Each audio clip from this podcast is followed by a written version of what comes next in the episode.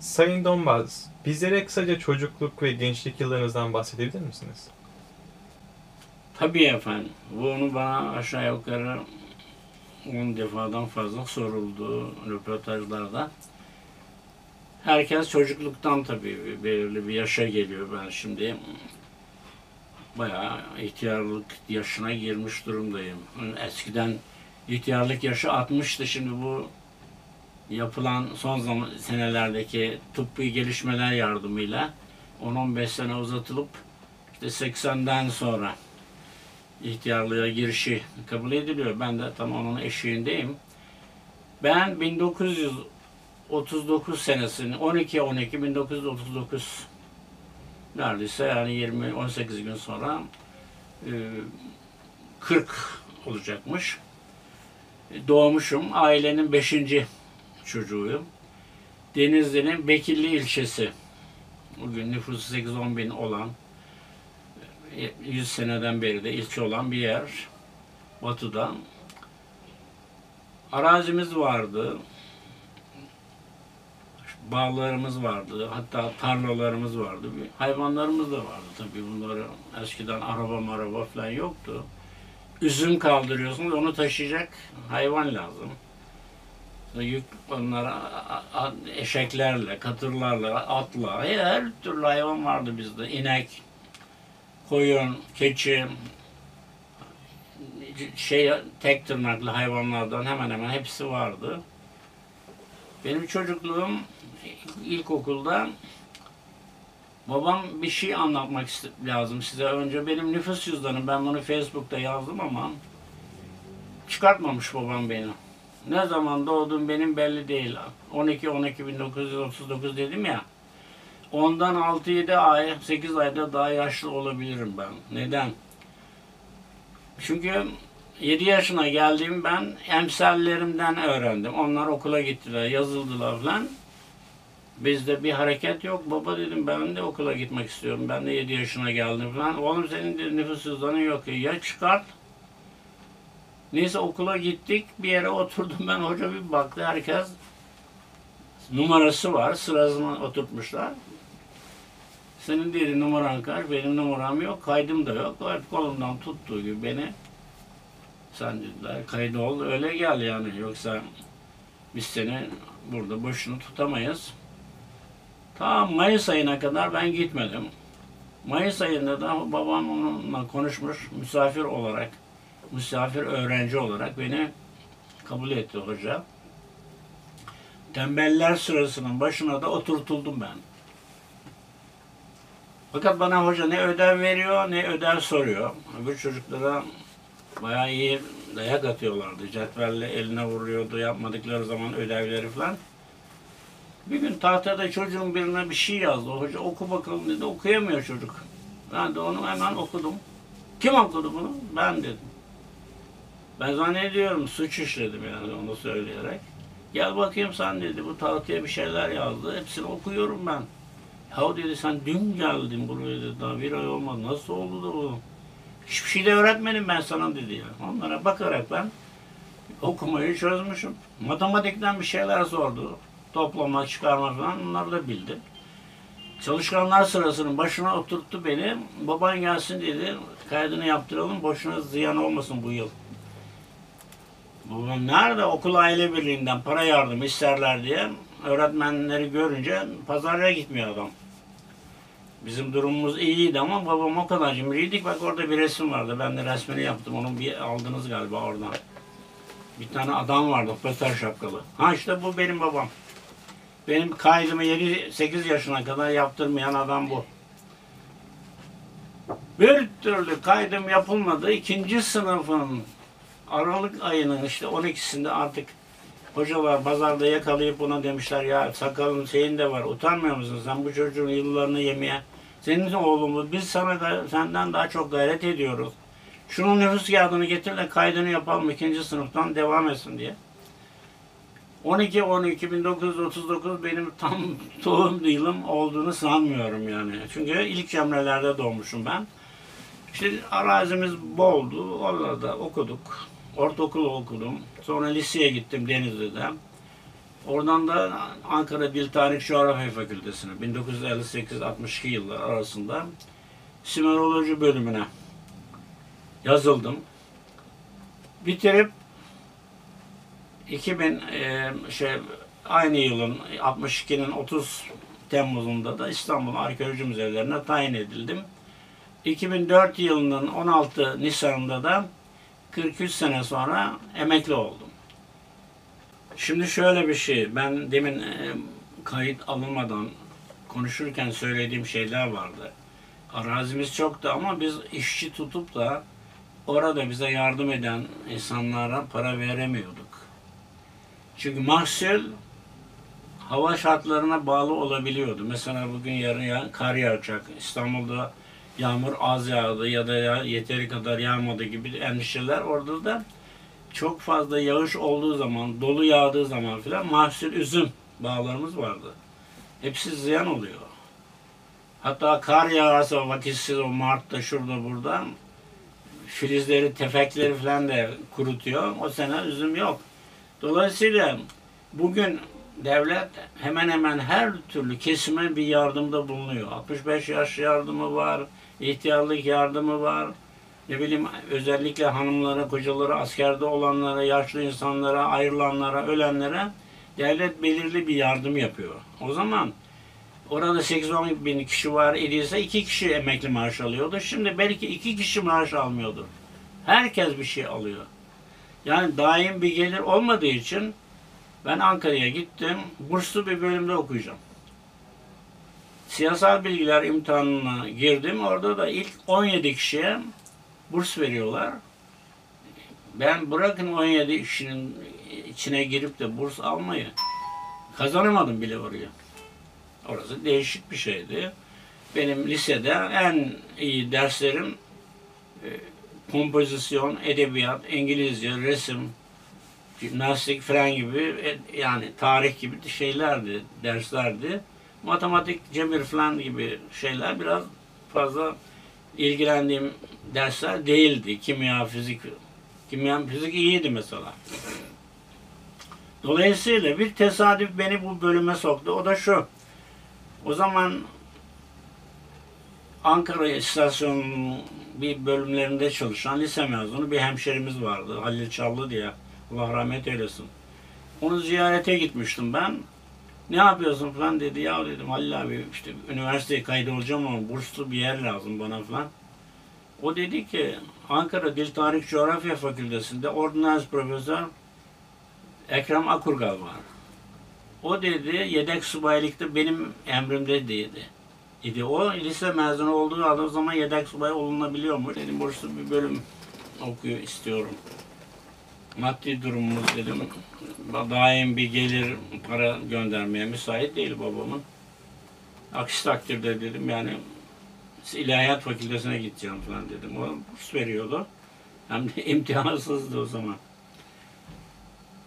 Dedi çivi yazısı çözmek ister misiniz? Ben de dedim ucunda para varsa, ucunda burs varsa her şeyi çözerim dedim yani katlanırım. Nitekim bir dedi bir bakayım dedi İngilizceniz nasıl falan diye. Oradan bir kitap çıkardı. Açtım. Oku bakalım. Okuduk. Tercüme et, ettim. Netice-i kelam iyidir yani güzel. Tarih bilgisi ona da baktı. Mezopotamya nedir? Al Cezire nedir? Şartel Arap nedir falan. Hemen birine bir telefon etti. Yukarıdaki katlardan bir hocaya. Sizi dedi burada bir delikanlı bekliyor. Adam geldi heyecanla böyle. Meğer 23 senedir o bölüme kimse gitmemiş. Bu belki bunu başka yerden de okumuşsunuzdur. Hatta kapanmanın eşiğine gelmişler. Rektörlük yazı göndermiş. Siz dediler lüks bir bölüm oldunuz. Şu kadar senedir hiçbir öğrenci olmadı. Hiçbir mecburiyetiniz de yok okula gelip gitmeye yani o fakülteye. Çünkü hoca öğrenci olmayınca niye gelsinler ki değil mi? Adam geldi hemen heyecanla beni yukarı odasına çıkardı dekanın bulunduğu bölümden. Dekan bey dedi İngilizcenizi ve dedi tarih bilginizi bu iyi bulmuş. Bir de ben bakayım deyip o da bir kitap verdi bana. Aç buradan bir sayfa beğen dedi. Okudum. Tercüme et, ettim. bir iki kelime bilmediğim çıkmıştı. Onları da o söyledi. Tarih bilgisinde o da aynı şeydi. Tamam dedi gayet iyi. Ben dedi bak dedi burada imzalıyorum. Ama tarih koymuyorum dedi. Belki dedi başka bir bölüme de gitmek isteyebilirsiniz. Eğer hiçbir yere dedi gidemezseniz bunun üstüne dedi şu bugünkü tarihi koy ve dedi aşağıdaki öğrenci işlerine ver. Belki dedi yalnız öğrenci olabilirsiniz. Hiç aklımın köşesinden benim yalnız 4 sene Sümeroloji bölümünde bir müzik dersi alan piyano yani keman, konça bilmem ne kontrabas öğrenen bir öğrenci gibi ders vereceğim aklıma gelmedi. Nitekim 10-15 gün geldim ben Denizli'ye. Sonra gittim ve oranın tarihini koydum öğrenci işlerine verdim kağıda. Dedi ki bu bölümde kimse yok dedi kadın. Valla olsa da olmasa da dedim ben varım işte artık. Bir tane kimse yok lafını bir daha söyleme dedim ben varım. Hocalara da sıkı söyledim. Hocam dedim bana burs vermezseniz ben burada bir saat bile durmam. Duramam zaten. Ankara'da. Nasıl duracaksınız? Otelde yurt yok, hemen bilmem ne yok. Şimdi öğrencilere, özellikle hanım öğrencilere Rusla yurtlar yapılıyor. Daha iyi korunuyorlar değil mi? Ee, bir de küçük apart şeyler yapıldı. Birer oda falan verilebiliyor bazı üniversitelerde falan. O zaman bunlar yok idi. Dolayısıyla böyle bir bursun alınmasında benim bu biraz İngilizcemde tarih bilgimde yardımcı oldu. Allah işte orada bana yardım etti. Ve ben tabii kaydımı yaptırdım. Bir ay sonra da 250 lira burs vermeye başladılar. 250 lira iyi para. 30 lirasını yurda veriyoruz. 1 lira sabah kahvaltısı 150 kuruştan 3-4 par şey olan tabak yemek yurtta yiyoruz. Öğrencilere bugünkü gibi o zaman da yardım vardı. Hatta bize sinemaya falan gitmek için biraz para bile artıyordu yani o 250 liradan. 4 sene ben bunu aldım. Başarılı da oldum. Hocalarla yeri geldi kavga da ettik. Neden oluyor biliyor musun kavga? 3-4 tane hoca bana de- ders veriyor. Her birisi bu sizin yeni duymadığınız Sümerce bambaşka bir dil. Akat dili de Asur ve Babil lehçeleri olan yine ayrı bir dil. Dolayısıyla bir de Hititçe okuyorsunuz. Ayrıca Almanca kursuna başlattılar beni. İngilizceniz iyi ama dediler bir de Almanca da öğren. Türkçe hiçbir kitap yoktur dediler. Dolayısıyla bütün bunları bu yabancı dille, bu iki dil ana dil gibidir dedi bu usta. Bunları öğrenmeden dedi burada iyi bir ilim adamı olamazsınız. Hatta burs almamda da şey için e, yardım eden hoca benim e, Almanca kurslarımı da bir yerden para buldular. Beni bir sene oraya gönderdiler. Ondan sonra ben kendim gittim. İki, iki buçuk senede orada öğrendim Almancayı. Dolayısıyla mezun olduk. Bir meselede bir derste hocanın biriyle takıştık. Oluyor. Çünkü birisi bu şu değil mi? Bunun düzgün yolu bu diyorsun. Öteki bu böyle diyor. Öteki şöyle diyor. Üçü de birbirini tutmuyor. Bir gerçeğin nerede olduğunu bilemiyorsunuz. Bir gün şöyle bir fiil vardı. Kaşado dediğimiz bu zapt etmek demek. Bir yere ele geçirmek. Ekşut, takşut, takşudu, akşut, ekşidu, ekşuda, takşuda, nekşut. Ben zapt ettim, sen zapt ettin, o zapt etti. Diye gitmesi lazım değil mi? O zapt etti, sen zapt ettin, ben. Siz zapt et, onlar zapt etti, siz zapt ettiniz, biz zapt ettik diye çekiliyor. Eskiden buna tasrif derlerdi. İngilizce'de conjugation diyorlar. Hocam niye bu böyle deyince hoca bir bozuldu bana. Dedi bu böyle dedi yani. Bunu bana niye soruyorsun yani? Yanında da güzel de bir tarih bölümünden kız vardı. Ondan da böyle bir ufak tefek şey oluşmuştu. Adam yeni ayrılmıştı karısından. Kız da hoca al- alırsa evlenecek yani bana öyle dedi. Güzel de bir kızdı ama bu saçları vardı. Neticede onun yanında ben bunu söylediğim için hoca bozulmuş bana. Ertesi ders ben mi gittim? Bir cümle benim hayatımı değiştirdi. O da bak söyle. Şamaşşammu şahazannatu la tamar. Valinin susamını, şey, belediye reisinin susamını kabul etmeyeceksin diyor. Vali birine emir yazıyor. Şamaşramı susam demek. Şah Hazanlı, Hazanlı da vali, e, belediye reisi demek. La tamar kabul etmeyeceksin. Oradaki la'yı ben Arapların söylediği gibi gırtlaktan söylememişim. La diye böyle deve ıhtırır gibi söylemek lazımmış. Develeri öyle ıhtırırlar aşağıya böyle indirirler. Hık diye böyle guttural bir sestir o gırtlaktan gelir. Kızın yanında dedi beni mahcup ettin bilmem ne dedi bana. Nereden öğreniyorsun bunları falan. Ben de dedim sizden öğreniyorum. Siz dedim böyle diyorsunuz. Emin Bey böyle diyor. Bir hoca bir türlü. Dört çeşit şey öğreniyorum ben bir kelimenin dedim manası için. Bir de ayrıca üç dört tane değişik dil dedim. 12 tane dil oluyor. Vıy diye böyle bir gürledi bu şimşek gibi. Elini kaldırdı böyle. Şart bilenden tuttum. Hocam dedim bak ben 22 yaşındayım. Eğer dedim ben bugün tokat yersem yarın 60 yaşına gelince insanlar benim üstümden dedim yürüyerek geçer. O elinize indirin bir kere. Eğer vurulmaya vurursanız da ben de size karşılık veririm. Hadi dedi şimdi mazursunuz dedi defol git dedi falan bana. Arkama bir tekme atar gibi. Odasına gidiyorsunuz ki başka öğrenci yok. Neticede uzattım belki bu bölümü ama e, işte o benim orada kalmama mani oldu üniversitede asistan. İyi de olmuş. Beni tabletlerin, malzemenin bol olduğu İstanbul Arkeoloji Müzelerine gönderirken de bu adam orada kendi sınıf arkadaşı olan vaktiyle bir müdür mavini vardı. Osman Sümer diye. Soyadını da Sümer almış. Ona bir mektup yazmış. Elime verdi. Ben de diyorum ki gider gitmez bana yardım eder. Oradaki müdür mavini falan, e, müdür vekiliydi. Ne yazmış biliyor musun? Kanatları yoktur, uçamaz. Şu iki sene geçmişti üstünden. Ne ben özür diledim ne o, o mevzuya bir kere daha döndü. Biz devamlı gidip geliyoruz derslere tabii. Mecburlar bana ders vermeye.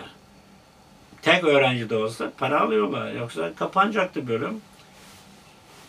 Onu da oraya gidip de oradaki kadınlarla tanışınca Muazzez Hatice Kızılay'la ben hocaları övüyorum. Ben işte şöyle onlardan istifade ettim. Ben dedi ki hakkında işte böyle yazmış. Al bak dedi sen eski yazı bilmediğin için dedi bunu okuyamazsın ama biz biliyoruz dediler.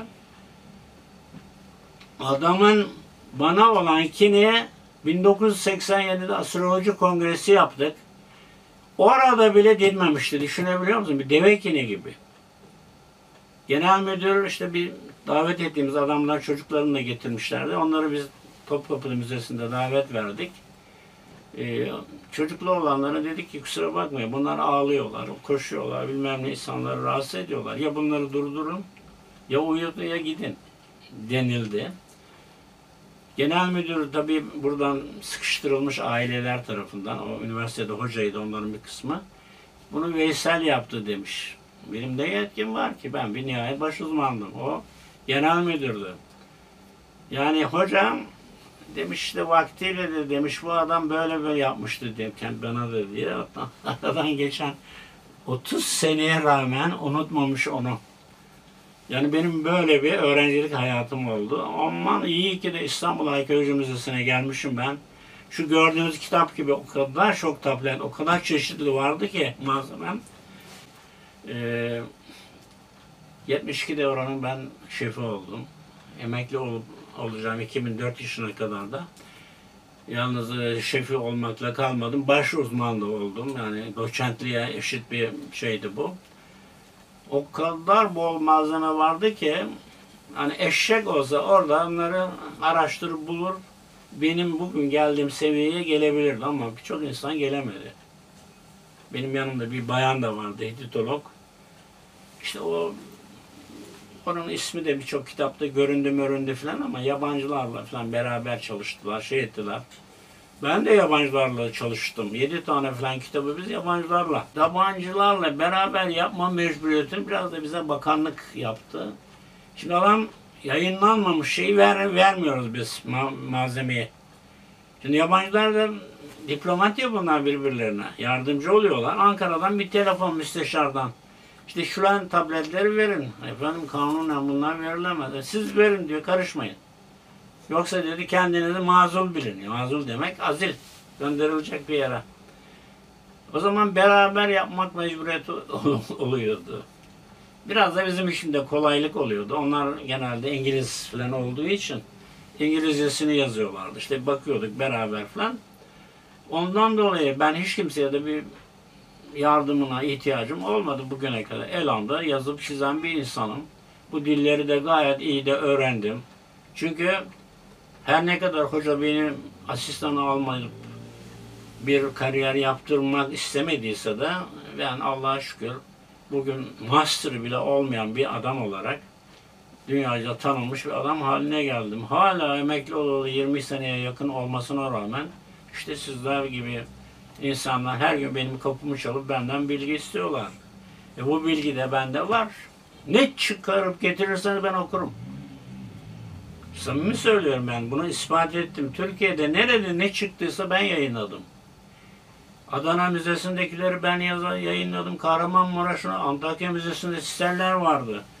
Efendim Harran'dan çıkan kerpiçler vardı böyle şeyli tuğla. Onların üstünde kralın işte şeysi vardı, baskı, istampası vardı falan. Ondan sonra Ödemiş Müzesi'nden, Ankara Anadolu Medeniyetleri Müzesi'nden 60'tan fazla makale yazdım. Satberk Hanım Müzesi işte burada bak kitabı. İşte şu adamlar kimseyi bulamadılar. Geldiler bana yalvardılar. Sen yayınlar mısın diye. 500 milyonla paralarını aldım bunun ama 500 milyon sıfırlar atılmadan evvelki paraydı. Atınca neydi? 500 lira para kalıyordu. 3-4 senede de bunu yayınladım. Hem İngilizcesi benimdir onun. Hem Türkçesi benimdir. Benim bu kitabı da İngilizce Türkçe'de. Bunun da İngilizcesi benimdir. Ama şunu Finlandiyalılar yazdı. Bütün bilgisini ben verdim yalnız. Tercümesiyle birlikte. Bazı şeyleri ben gerçek söylüyorum. Yani kendi başıma da rahatça yazabilen bir insan durumundayım ben İngilizceyi. Ee, Almancayı da hanımın da biraz yardım olsa onu da yaparız da. Almanca o kadar geçerli bir dil değil. Almanlar her ne kadar Almancayı Fransızların önüne geçirdiklerini düşünüyorlarsa da Fransızca hala diplomatik dilde, müzikte şurada burada biliyorsunuz hala geçerli bir dil. Dolayısıyla da şeylere baktığınız zaman televizyonlarında kaç tane kanallar var adamların ya. Hiç kimse de olmayan yani ben Fransızları pek şey etmezdim yani takdir etmezdim adamlar. Karavel bilmem o üç buçuk saate Amerika'ya giden uçakları falan hep onlar yaptılar. Bunlar benim annem, babamın oğlu değil ama var bir şey var yani bir kültür var. Almanlar da gayet güzel şeyler yapıyorlar. İngilizler de yapıyorlar. Biz de başladık Allah'ın izniyle. İnşallah kendi füzelerimizi bir de yapmaya başladık. Bunları Ay'a da gönderiyoruz. Bilmem uydulara da gönderiyoruz. Kendi malzememiz bol. Nereden nereye geliyorum ben? Dağdan tepeden. Şimdi bu hususta kimse yok. En büyük benim şikayetim kitabın sonunu da öyle bitirdim zaten.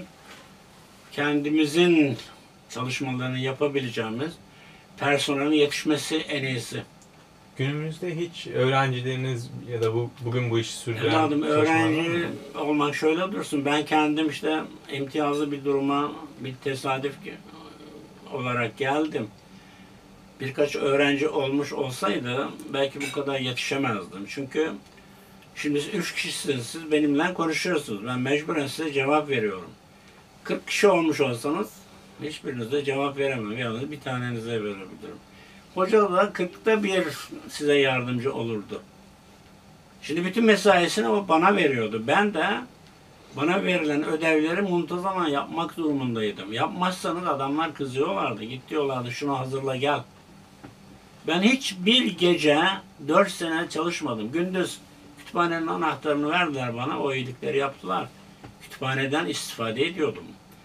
Benim e, İngilizce bilmem, Almancayı da iyi kötü o zaman bugünkü gibi değildi tabii Almancam. Gittikçe de öğrenmeye falan başlayınca İngilizce yardımıyla Fransızca, İtalyanca kitapları da falan şey yapıyordum biraz anlıyordum başlıklarını, resim altlarını falan. Neticede yabancı dil olmadan bu sahalarda tanınmış olmak, meşhur olmak, ne bileyim bir bildiri sunma imkanı bugün de yok. Sümeroloji bölümünden yetiştirilmiş ya da mezun edilmiş Benden sonra belki 200'e yakın insan oldu. Ama bunların hiçbirisi fakültede kalanlar hariç Ankara'da 4-5 tane şu anda Sümerolog profesör var. Şimdi bizim meşhur bayanımız benden başka Sümerolog yok diye. Nasıl yok canım? Koskoca adamlar var orada kürsüde. Ha biliyor veya az biliyor bir bildikleri bir şey var onların da. Bunlar da Kültepe tabletlerini, ben Kültepe tabletleri yayın heyetini kurdum. Ondan Ankara'da her birisi birer ikişer kitap yayınladılar. Benim pek vaktim olmuyor oralara gidip otellerde sürünmeyi ben göze almıyorum. İşte gördünüz benim de bir hayli 15-20 tane kitabım var. İki tane de onlardan yaptım gene de. 60 tane de makale yazdım Ankara'da. İstanbul'da tabletlerin üstünde oturan adam Türkiye'de ne varsa onları da yayınladı. Bursa tabletlerinde de yayınladık. Yani daha aklıma gelmiyor söyleyeceğim şeyler. Ee, bu malzeme bizde çok. Eğer buna gönül verenler çıkarsa bundan çok iyi istikbal var. Dışarısı hiç kendine bir şey yapmamış olsan bile o tabletleri beraber çalışmak size buna burs da verirler. Çağırırlar oraya. Hiç olmazsa onların dillerini Almanca öğrenirsiniz, İngilizce öğrenirsiniz. Ben kime söylediysem 2500-3000 euro para vereceklerdi bir bayana. Gitmedi. Gitmiyor. Yabancı dili öğrenmek zor geliyor Almanya'da. 3 sene kalacaktı. Gayet Almanca öğrenirdi. Ayrıca onlar bizim bir senede okuduğumuzu bir dersi okuyorlar. Dışarıdaki adamlar bizden daha bu bakımdan ileri. Sonra adamlar birini alıyorlar. Onu yetiştirip kendi yerlerine koyuyorlar. Mesela bir bölümde 5-6 kişi oluyor değil mi? İkisi garanti orada asistan kalacaktır. E bizde Sümeroloji bölümü ben tek olabildim ama benden sonra 4 oldu, 5 oldu, 10 oldu. Şimdi zannederim 30-35 öğrenciler vardır her 4 se- evet, sınıfta. E bunlardan bir tane sivrilen olmadı. Bu kadar bol malzememiz var. Biz Türkiye'de buradan yüklensek, arkeologlarımız çok. 250'ye yakın kazı yapılıyor. Yabancılar da 150'ye yakın kazı yapıyor Türkiye'de. Paraları var adam. Geliyor yapıyorlar. E, tablet kültür veren, bilgi veren bir malzeme. Tablet niye önemli? Tabletin içinde bulunduğu yerin ismi yazılabiliyor, kralın ismi yazılıyor, devletin ismi yazılıyor. Bir anlaşma ise bu. Ee, Yeni bir devlet ortaya çıktığını da görebiliyorsunuz. Değil mi? Yani demek istediğim malzememiz en bol sahalardan biri maalesef en zayıf durumda şu anda. Şimdi bizim en zengin tarafımız tablet yönünden. Bu tablet dediğim şey yani kilden yapılmış yazma malzemesi olarak belirli bir kıvama getirilmiş olan kil yani böyle bu bunlarla bastırdığınız zaman orada iz bırakıyor bir form dedikleri şey zaten çiviye benzediği için buna çivi yazısı denmiş. Eskiden de buna hattı muhi demişler. Muh çivi demektir. Siz gençler bilmiyorum o kelimeyi biliyor musunuz? Ee, dolayısıyla oradan kalan şeyle Almanlar da buna kail şerif diyorlar. Sümerler de, Sümerler diyormuş, Fransızlar da form diyorlar. Yani aşağı yukarı hep aynı. Almancası hariç. E, bu dille yazılmış o kadar çok şey var ki işte şurada bakın Mezopotamya mitolojisi diyor. Bu kitap Jane Botore, Botore, Botero ve Samuel Noah Kramer'in orijinalini yazdığı. Türkiye İş Bankası'ndan birisi çevirmiş. Tabi çeviren sahadan olmadığı için biraz pek uygun düşmüyor yani ben bakıyorum oradayım. Bütün Sümerlilerin yapmış oldukları edebi ürünler var. Destanlar var, şiirler var, aklınıza ne gelirse her türlü şey. Nuh tufanından tutun Gılgamış destanı, hatta ben takip ettiğimizi mi bilmiyorum, 20 tane yazı yazmıştım bu Mezopotamya tıbbı diye bu cep telefonuyla. 20 tane yazı, her birisi 4-5 ekranlık. Yani bunun 4-5 tane doluyordu. Okuyan okumuş falan galiba da e, orada bütün bunlar da var. Orada insanları pandemiyi ilk yapanlar da Sümerler zamanında tanrılar. İnsanlara kızıyorlar. Yeryüzünde insanlar o kadar çoğalmış ki hani zaman zaman gazetelerde okursunuz. iki aile gürültü yüzünden bazen ellerini kana boyuyorlar biliyorsunuz. Susmuyor. Sana ne diyor? İstediğim gibi ben eğlenirim evimde bilmem ne deyince adam bir tak tut birbirine vuruyorlar. Bu hala da apartmanlarda büyük bir problemdir. Nişan, eğlence gibi nadir olan günler dışında da millet bazen çok büyük gürültüler yapabiliyor. Benim tepemde adam böyle bir şey şey yapıyor. Çivimi kesiyor, ne oluyor bilmiyorum yani. Adama kaç kere söyledik aşağıya gitmemesi lazım sesin diye geliyor. Telefon gibi aynı. Eskiden bu gürültüden tanrılar çok rahatsız olmuş. Şimdi Sümer tanrılarından birkaçından bahsedeyim ben size. Gök tanrısı Anu var. Anum. Bunun numarası 60. Sümerlerin hayat amacı heksadesimal dediğimiz 6 pardon ve onun katları olan sayılarla. Mesela 150'yi nasıl yazıyor biliyor musun? 2 tane 60, 3 tane 10. Biz 1 yazıyor, 5 yazıyor, 0 yazıyor değil mi? Böyle bir sistem dolayısıyla en büyük tanrının numarası 60. Gök tanrısı. Onun oğlu Enlil, yerle gök arasında onun numarası 50. 50 kelimesi bu Enlil'den gelmiş olduğunu düşünüyorum ben. Çünkü Tanrı numarasıyla tanınıyor. Dolayısıyla Anum'a da Anu demişler gök tanrı ama Sema diye geçiyor. Bugün bu kelimeyi biz Sümerlerden, Akatlardan gelen bu kelimeyi Sema diye kullanıyoruz. Siz belki gençler kullanmıyorsunuz. Gök diyorsunuz siz mesela değil mi? Hava diyorsunuz falan. Hava tanrısı Enlil. Ondan sonra Ea var. Ea. Ea Sümercesi şey Akatçası Enki yer tanrısı demek. İnsanları yaratan suları, dağları, tepeleri, denizleri bir Ninhursak denen bir tanrıçayla birlikte o bayan dağların sahibesi demek manası. Ondan sonra ay tanrısı geliyor. Onun numarası 40, ay tanrısının numarası 30. Halbuki güneş tanrısının numarası 20. Normalde güneş ayın kaç misli büyüktür değil mi? Bugünkü gökyüzünde görüyorsun. Güneşe bakamazsınız bile. İşte o Enlil'in oğlu olması nedeniyle bu sini güneş tanrısının önüne geçirmişler. Hristiyanlıkta da bu Tanrı'yı İsa'nın geçmiş olduğu düşüncesi vardır. Yani kutsal kan, kutsal ruh, kutsal bilmem ne. Şimdi Almanya'da da zaman zaman biz bulunduk. Kayınvalide bunlar biraz dindardı. Yemek yemeden evvel el ele tutuşup işte ey işte kutsal İsa hoş geldin. Bize verdiğin bu yemekler için gel beraber yiyelim. Amen diyorlardı.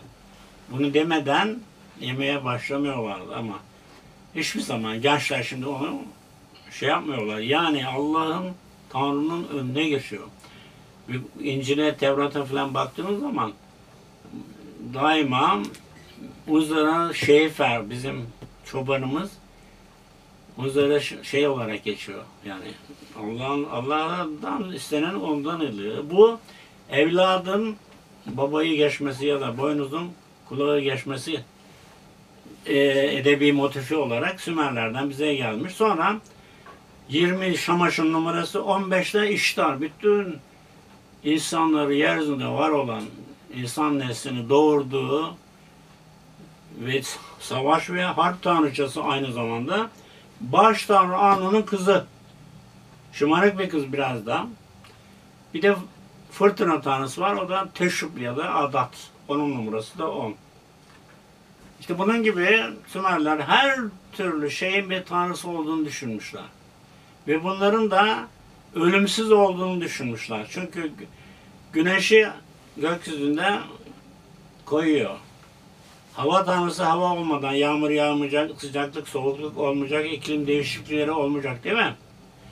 Göğü de yedi katlı olarak düşünmüşler. Biz de hala düşünürüz bunları. Ay tanrısı da güneşten aldığı enerjiyle akşamları bizi iyi kötü yolumuzu bulacak kadar aydınlatır. İnsanların bütün o inanma dediğimiz iştar ya da Sümercesi Tanrıça'da doğurduğuna dair fazla bir realitemiz yok ama mesela fırtına tanrısı olan Adat veya Teşup Anadolu'da hemen hemen her şehirde var. Hititler zamanında. Çünkü Anadolu çok soğuk ya. Çok soğuk olunca hangi tanrıya yalvaracaksınız? Teşup'tan. Aman bizi öldürme, bizi ısıt, bizi sıcak tut, e, bize ya- yardım et falan gibi insanlar bu tanrıları devamlı memnun etmeye çalışmışlar. Onlara adaklar sunmuşlar. Hatta bu pandemi olduğu zaman Hititler zamanında Moşuli iki Hitit krallarından iki defa duası var. Eskiden de varmış yani bunlar. Tifus, kolera ve veba maalesef varmış. Bu bizim başımıza gelen Covid virüsü kaç bin sene sonra bakın hala çaresini bulamadılar. Bütün dünyayı sardı. İşte birazcık azalmaya da başladı herhalde siz de takip ediyorsunuzdur. Ölme sayısı 160-170 civarına falan geldi. 254'lerden 260'lardan falan. İnşallah azalacak o. Ama o zaman da bu hastalık varmış. Mısır'a bir sefer düzenliyor Moşule. Oradan da Filistin'den gelirken yolda harp esirlerini alıp getiriyorlar Anadolu'ya. Hititler Anadolu'da oturuyor biliyorsunuz. Oradaki adamlarda şey varmış, tifus varmış, veba varmış. Vebadan Hitit halkı da nasibini almış. Hatta kral kendisi ve ta, kral naibi dediğimiz yani tahta geçecek olan aday prens de ölmüş yani.